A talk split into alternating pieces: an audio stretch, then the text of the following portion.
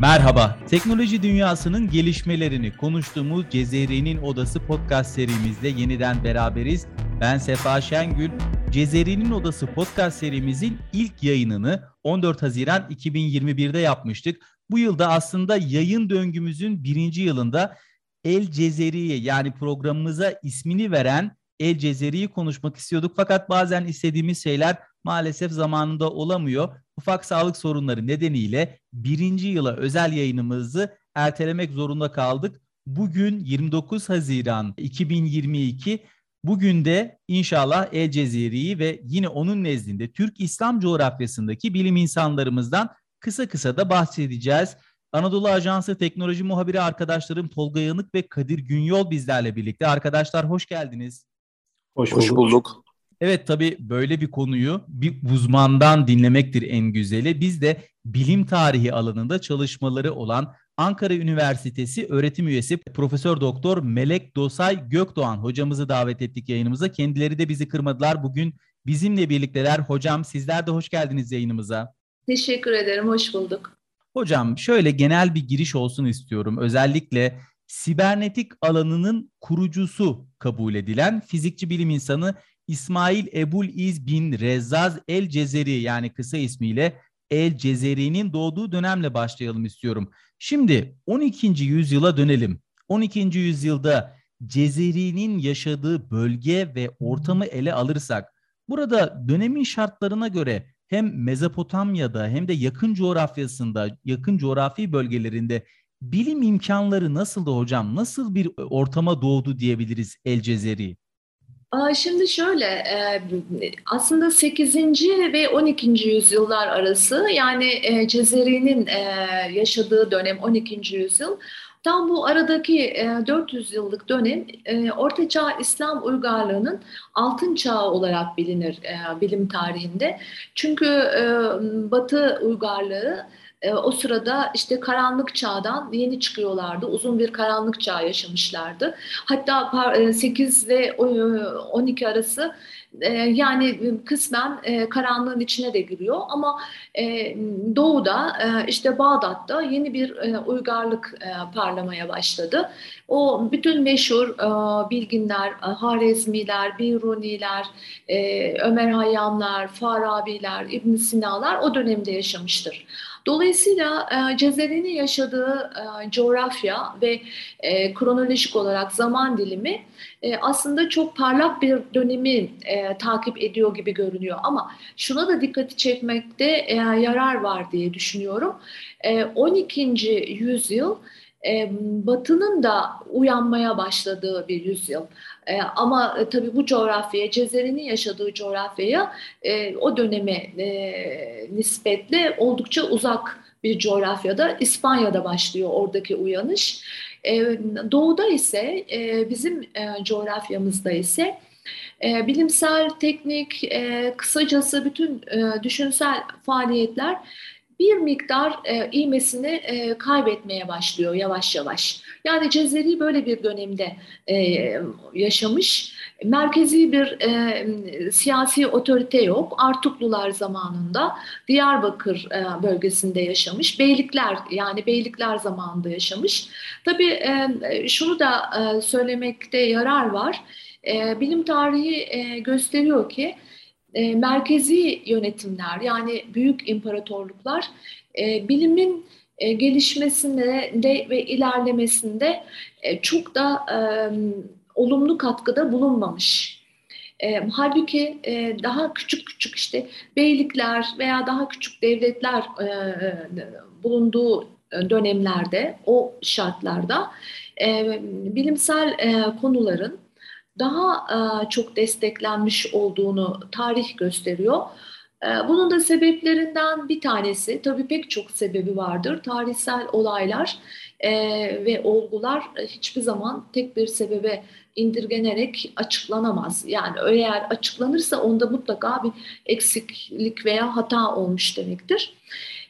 Bu sebeplerden bir tanesi bence şöyle,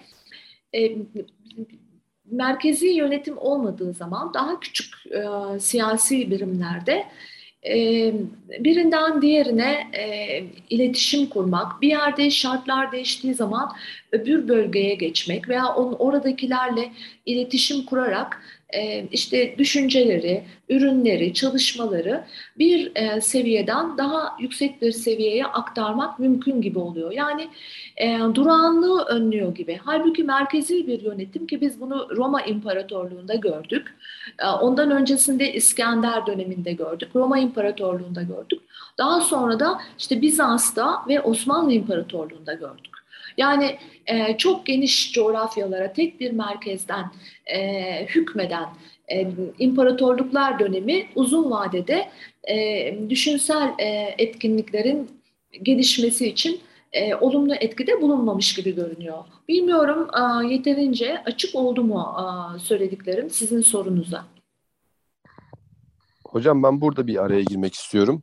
Buyurun. Özellikle El Cezeri konusunda bahsettik az önce sibernetiğe olan katkılarından dolayı da ben güncelle geçmişi bağlayan bir soru sormak isterim. Bugünkü robotik teknolojiler sizin de bildiğiniz üzere çok önemli bir noktaya geldiler artık. Ee, El Cezeri'nin bu bugünkü robotik teknolojilerin bu gelişimindeki katkısı nedir? Şimdi şöyle, tabii ki bugün artık e, matematik ve fizik bilimlerinde e, o dönemde kıyas kabul edemeyecek müthiş e, ilerlemeler var. E, Cezeri döneminde bu tür e, teknik imkanlar yok. Matematik her şeyden önce son derece bugünkü matematiğe kıyasla ilkel bir durumda.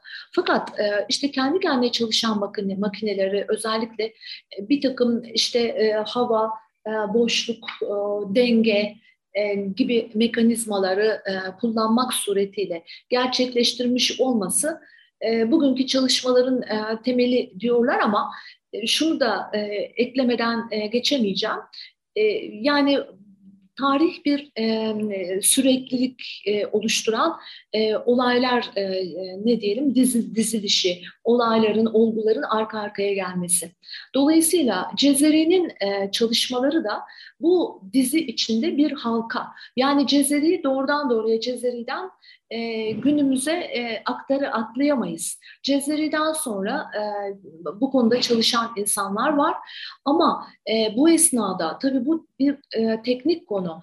Meselenin daha saf, daha pür, bilimsel tarafında ayrı gelişmeler var. İşte matematikte, e, mekanikte özellikle 17. yüzyıldan itibaren batıda. Dolayısıyla biz bugünkü e, robotik bilimini e, işte Cezeri ile başlatamayız. Ama Cezeri'den öncesi de var. Şimdi Cezeri'nin e, kitabı e, yazdığı kitap e, günümüze ulaştığı için e, ve bu kitap oldukça kapsamlı, e, görsel malzemesi renkli, çok güzel. O yüzden e, çok dikkat çekiyor ve çok popüler hale gelmiş durumda Cezeri.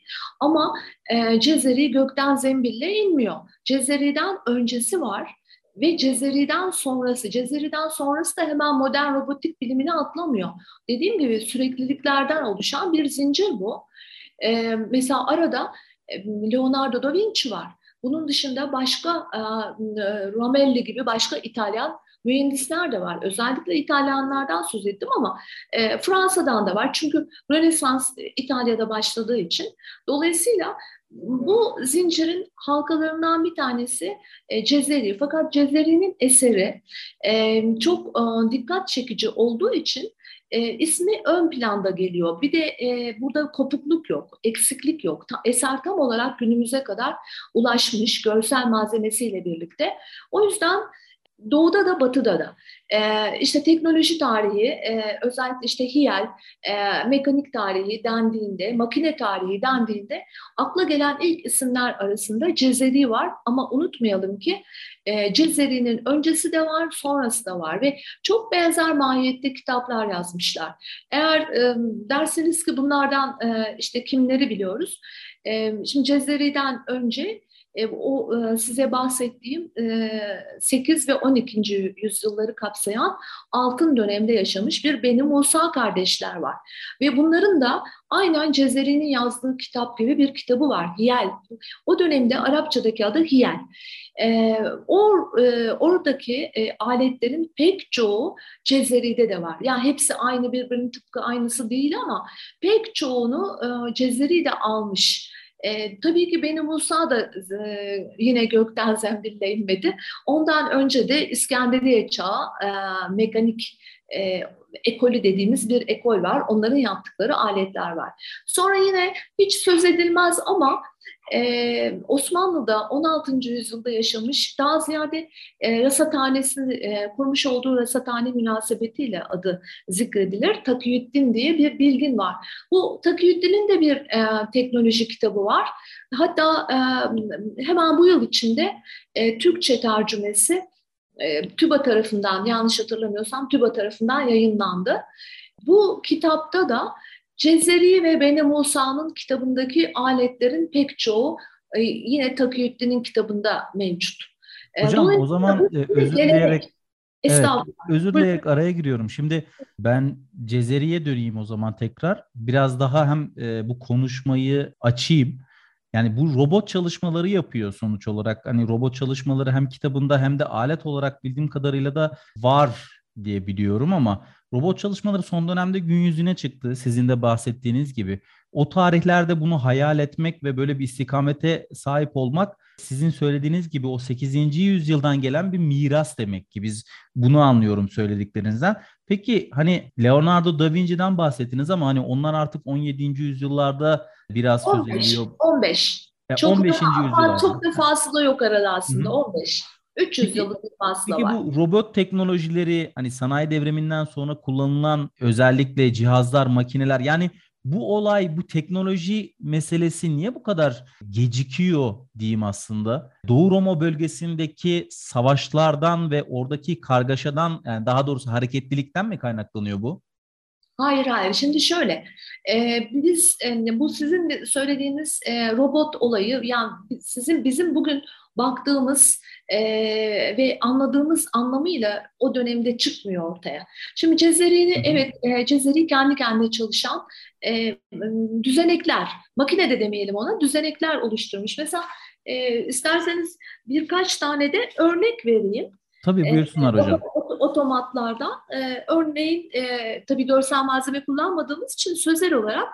mesela kime içki verileceğine karar veren bir e, kadeh yapmış. Yani e, bu kadehin içinde iç, bir içecek var ve üzerinde de bir kuş var. Bu işte e, izleyenler tarafından nasıl çalıştığı tabii anlaşılmıyor. Hile'nin e, Türkçesi zaten biraz öyle. Hile, e, gizemlilik e, söz konusu. Sadece e, mekanik, mekanizma anlamına gelmiyor. Biz onu e, mekanik olarak Türkçeleştiriyoruz ama şimdi e, o bardağın veya kadehin içindeki mekanizmayı dışarıdan görmediğimiz için o kuş nasıl dönüyor onu bilmiyoruz. Kuş birisine doğru dönüyor ve o döndüğü kişiye o bardak, kadeh neyse veriliyor. Yani kendi kendine kuş döndü.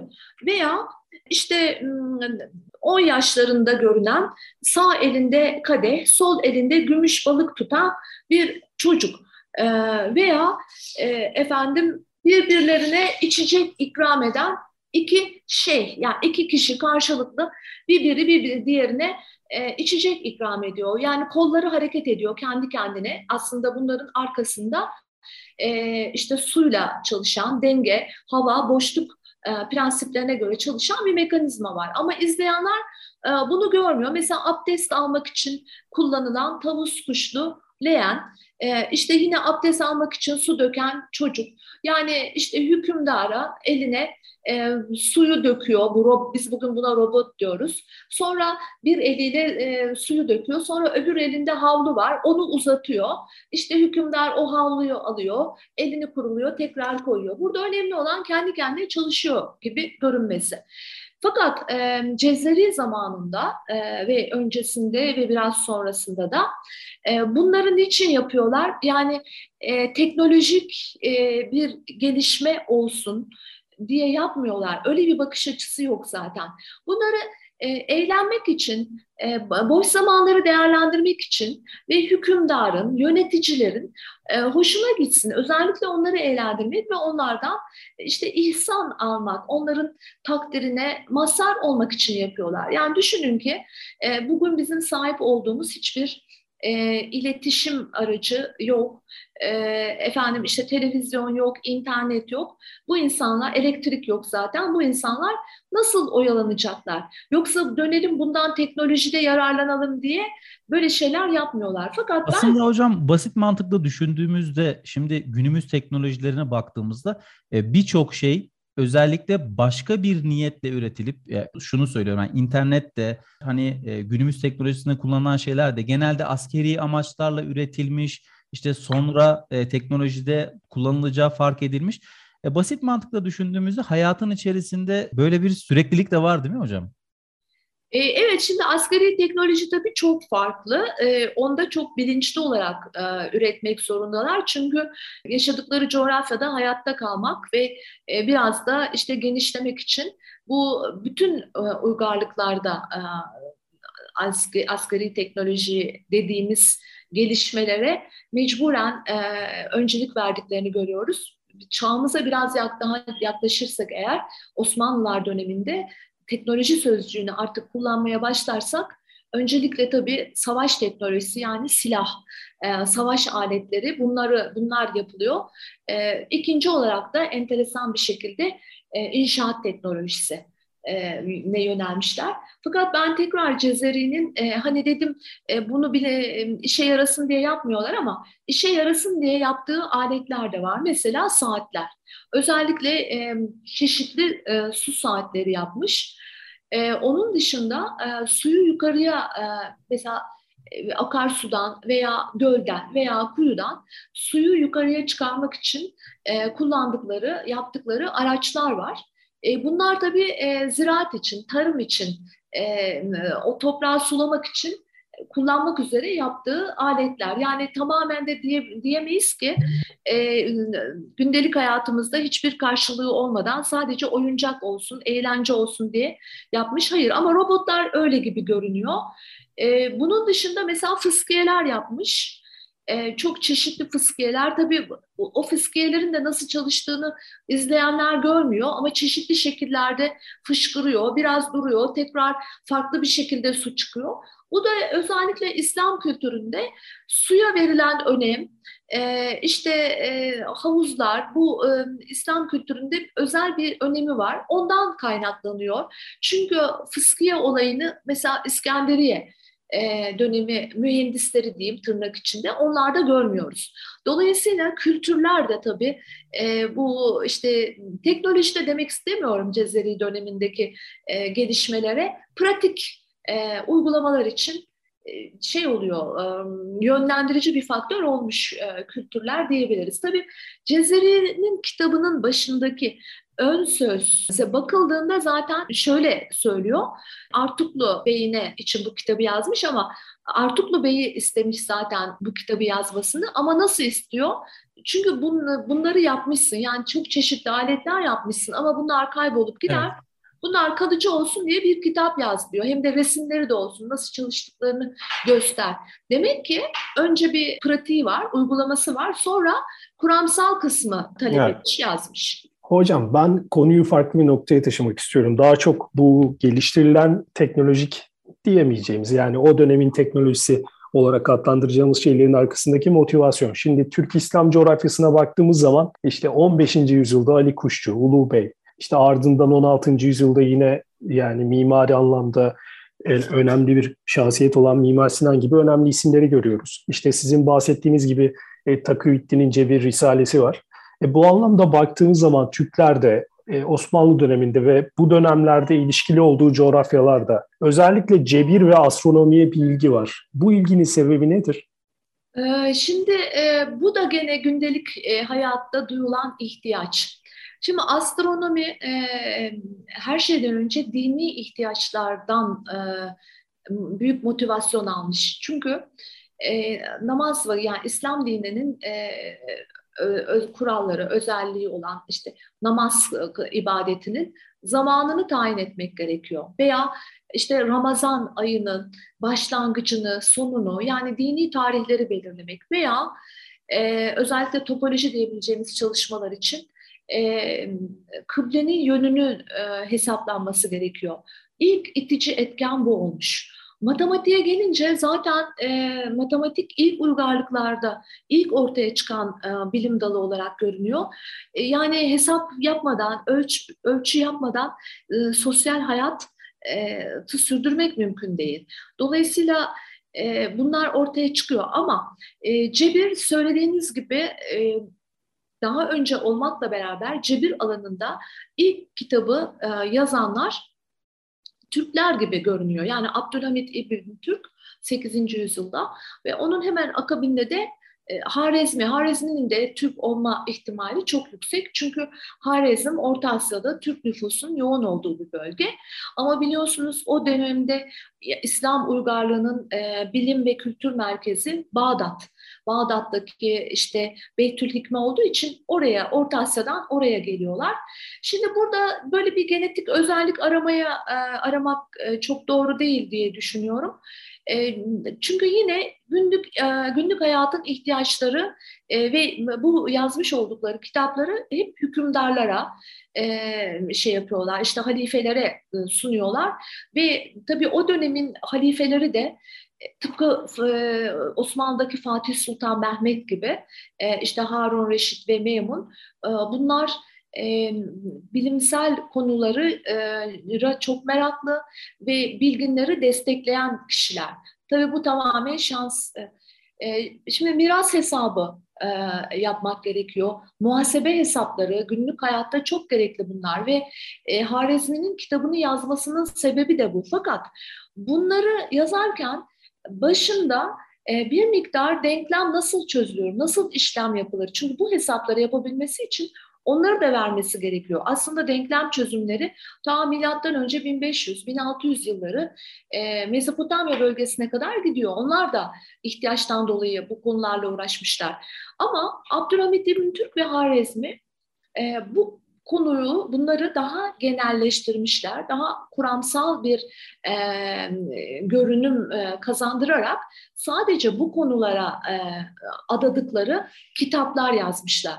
O yüzden de e, işte e, o e, Harizmi'nin kitabın adı, kitabının adı e, Kitab el Muhtasar fi el Cebr vel Mukabele buradaki el Cebir kelimesi e, işte Latinceye çevrilirken el Cebra biçimini alıyor ve disiplinin adı e, oradan geliyor falan deniyor. Bunlar tabii e, tarihin cilveleri ama e, ben şöyle düşünüyorum e, yani puzzle'ın parçaları o çağda o coğrafyada birbirine e, uymuş, öyle ortaya çıkmış. Ama e, tabii şunu e, e, göz ardı etmemek lazım. E, Harezmi'nin, Abdülhamit İbn Türk'ün yani işte bu Türk kökenli bilginlerin bu disiplini kurdukları dönemde dünyanın öbür bölgeleri uygar değil. Uygar Hocam. dünya, uygar coğrafya burası. Ve bunlar e, motivasyonları da var. Bunlar çalışıyorlar. E, hocam ben bir anımı anlatarak bir e, soru sormak istiyorum aslında. E, 2016 yılında Princeton Üniversitesi'ni ziyaret etmiştik Amerika'da. Orada üniversitenin e, kilisesinde El Razi'nin bir e, görseli vardı. Ben çok şaşırmıştım.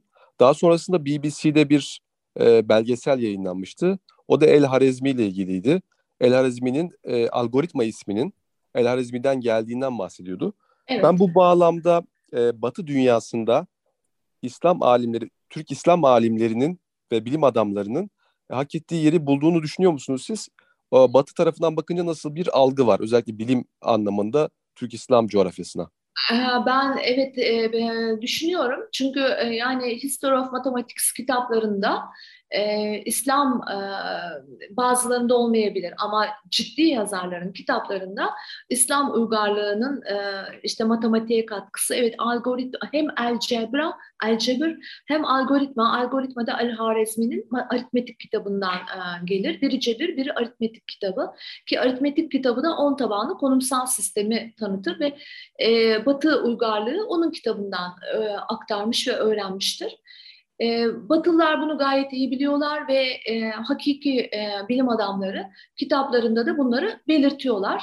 E, problem bence bizde. Biz e, onların ne yaptığından çok haberdar olmadığımız için onlar işte İslam uygarlığını yeterince e, işte kabul etmiyorlar, tanımıyorlar, haksızlık yapıyorlar e, falan diye tabiri caizse yaygara yapıyoruz ama doğru değil. Onlar e, çünkü e, bakın Harizmi'nin e, Arapça metinlerini ilk defa yayınlayanlar Batılılar yani şarkiyat araştırmalarını yapanlar e, Avrupalı, Amerikalı e, araştırmacılar. Biz değiliz.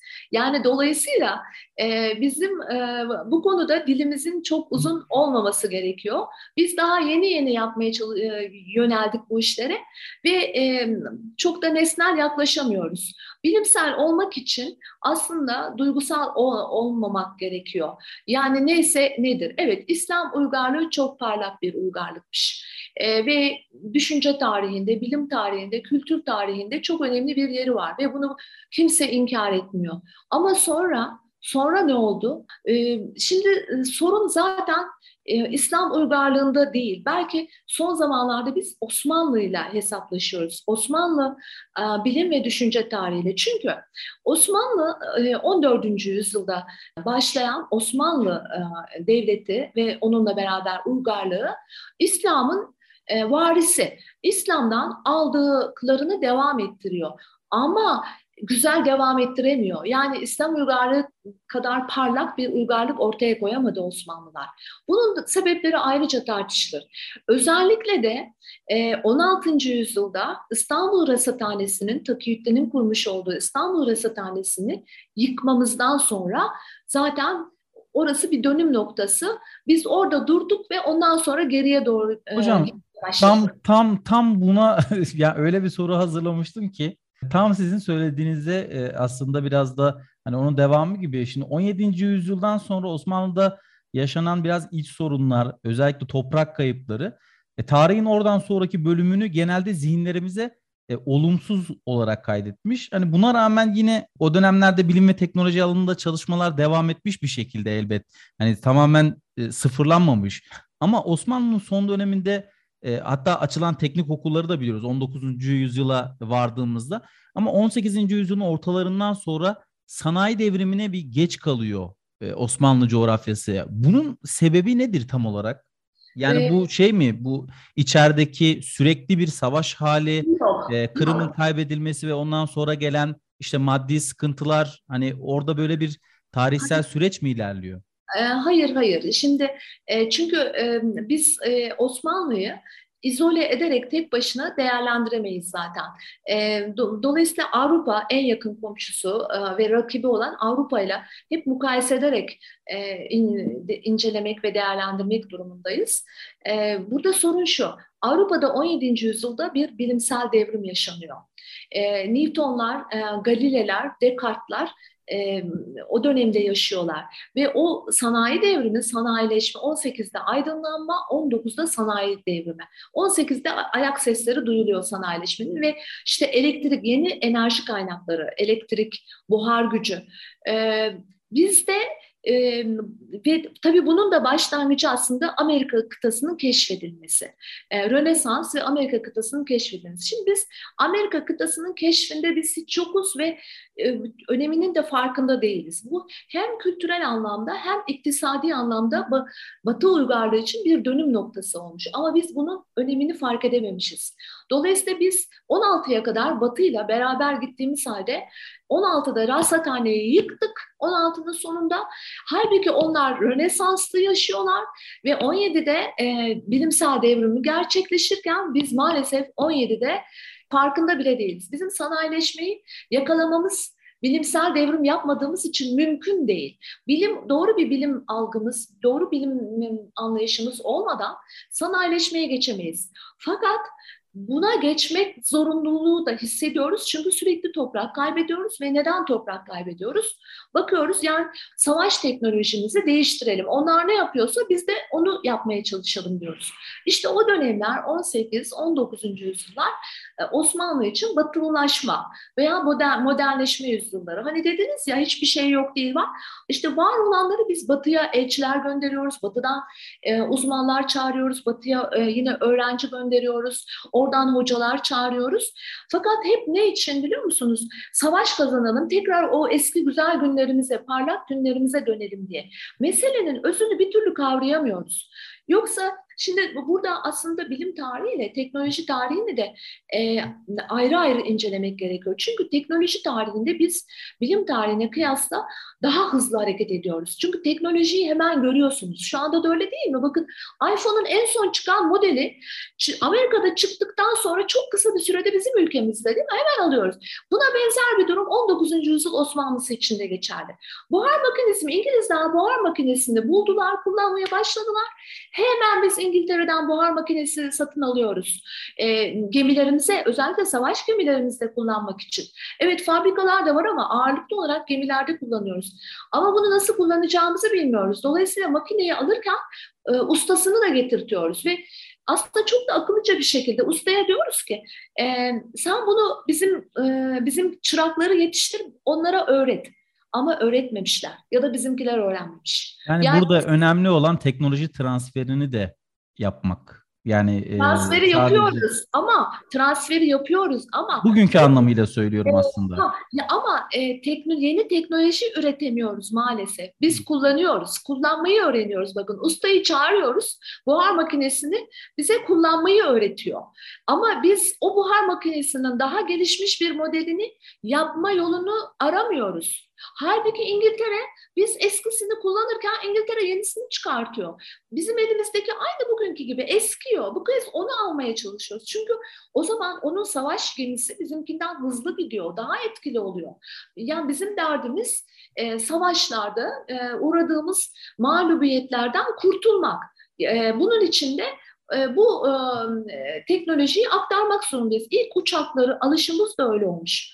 Ve şu e, İtal e, Trablusgarp'ta İtalyanların e, hava kuvvetlerini görünce savaşta hava gücünün önemini anlıyoruz ve hemen uçak alma, uçak alalım, pilotları eğitime gönderelim ya da oradan hoca getirelim, burada eğittirelim. Ama biz uçak fabrikası kuralım, biz uçak modeli geliştirelim. Böyle bir e, bilince e, maalesef ulaşamamışız. Evet. Hala da bugün de aynı, bugün de aynıyız değil mi? iPhone'u takip ediyoruz. iPhone'un son modelini alıyoruz. E, peşindeyiz. Hiç geride kalmıyoruz. Ama bir de biz yapalım.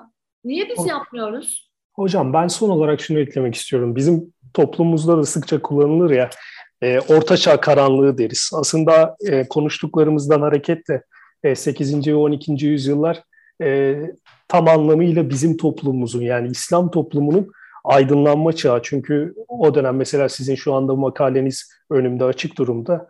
E, burada diyorsunuz ki o çağda mesela Avrupa için bilgiyi elde, elde edebileceği tek kaynak İslam dünyasındaki bilimsel eserlerdi.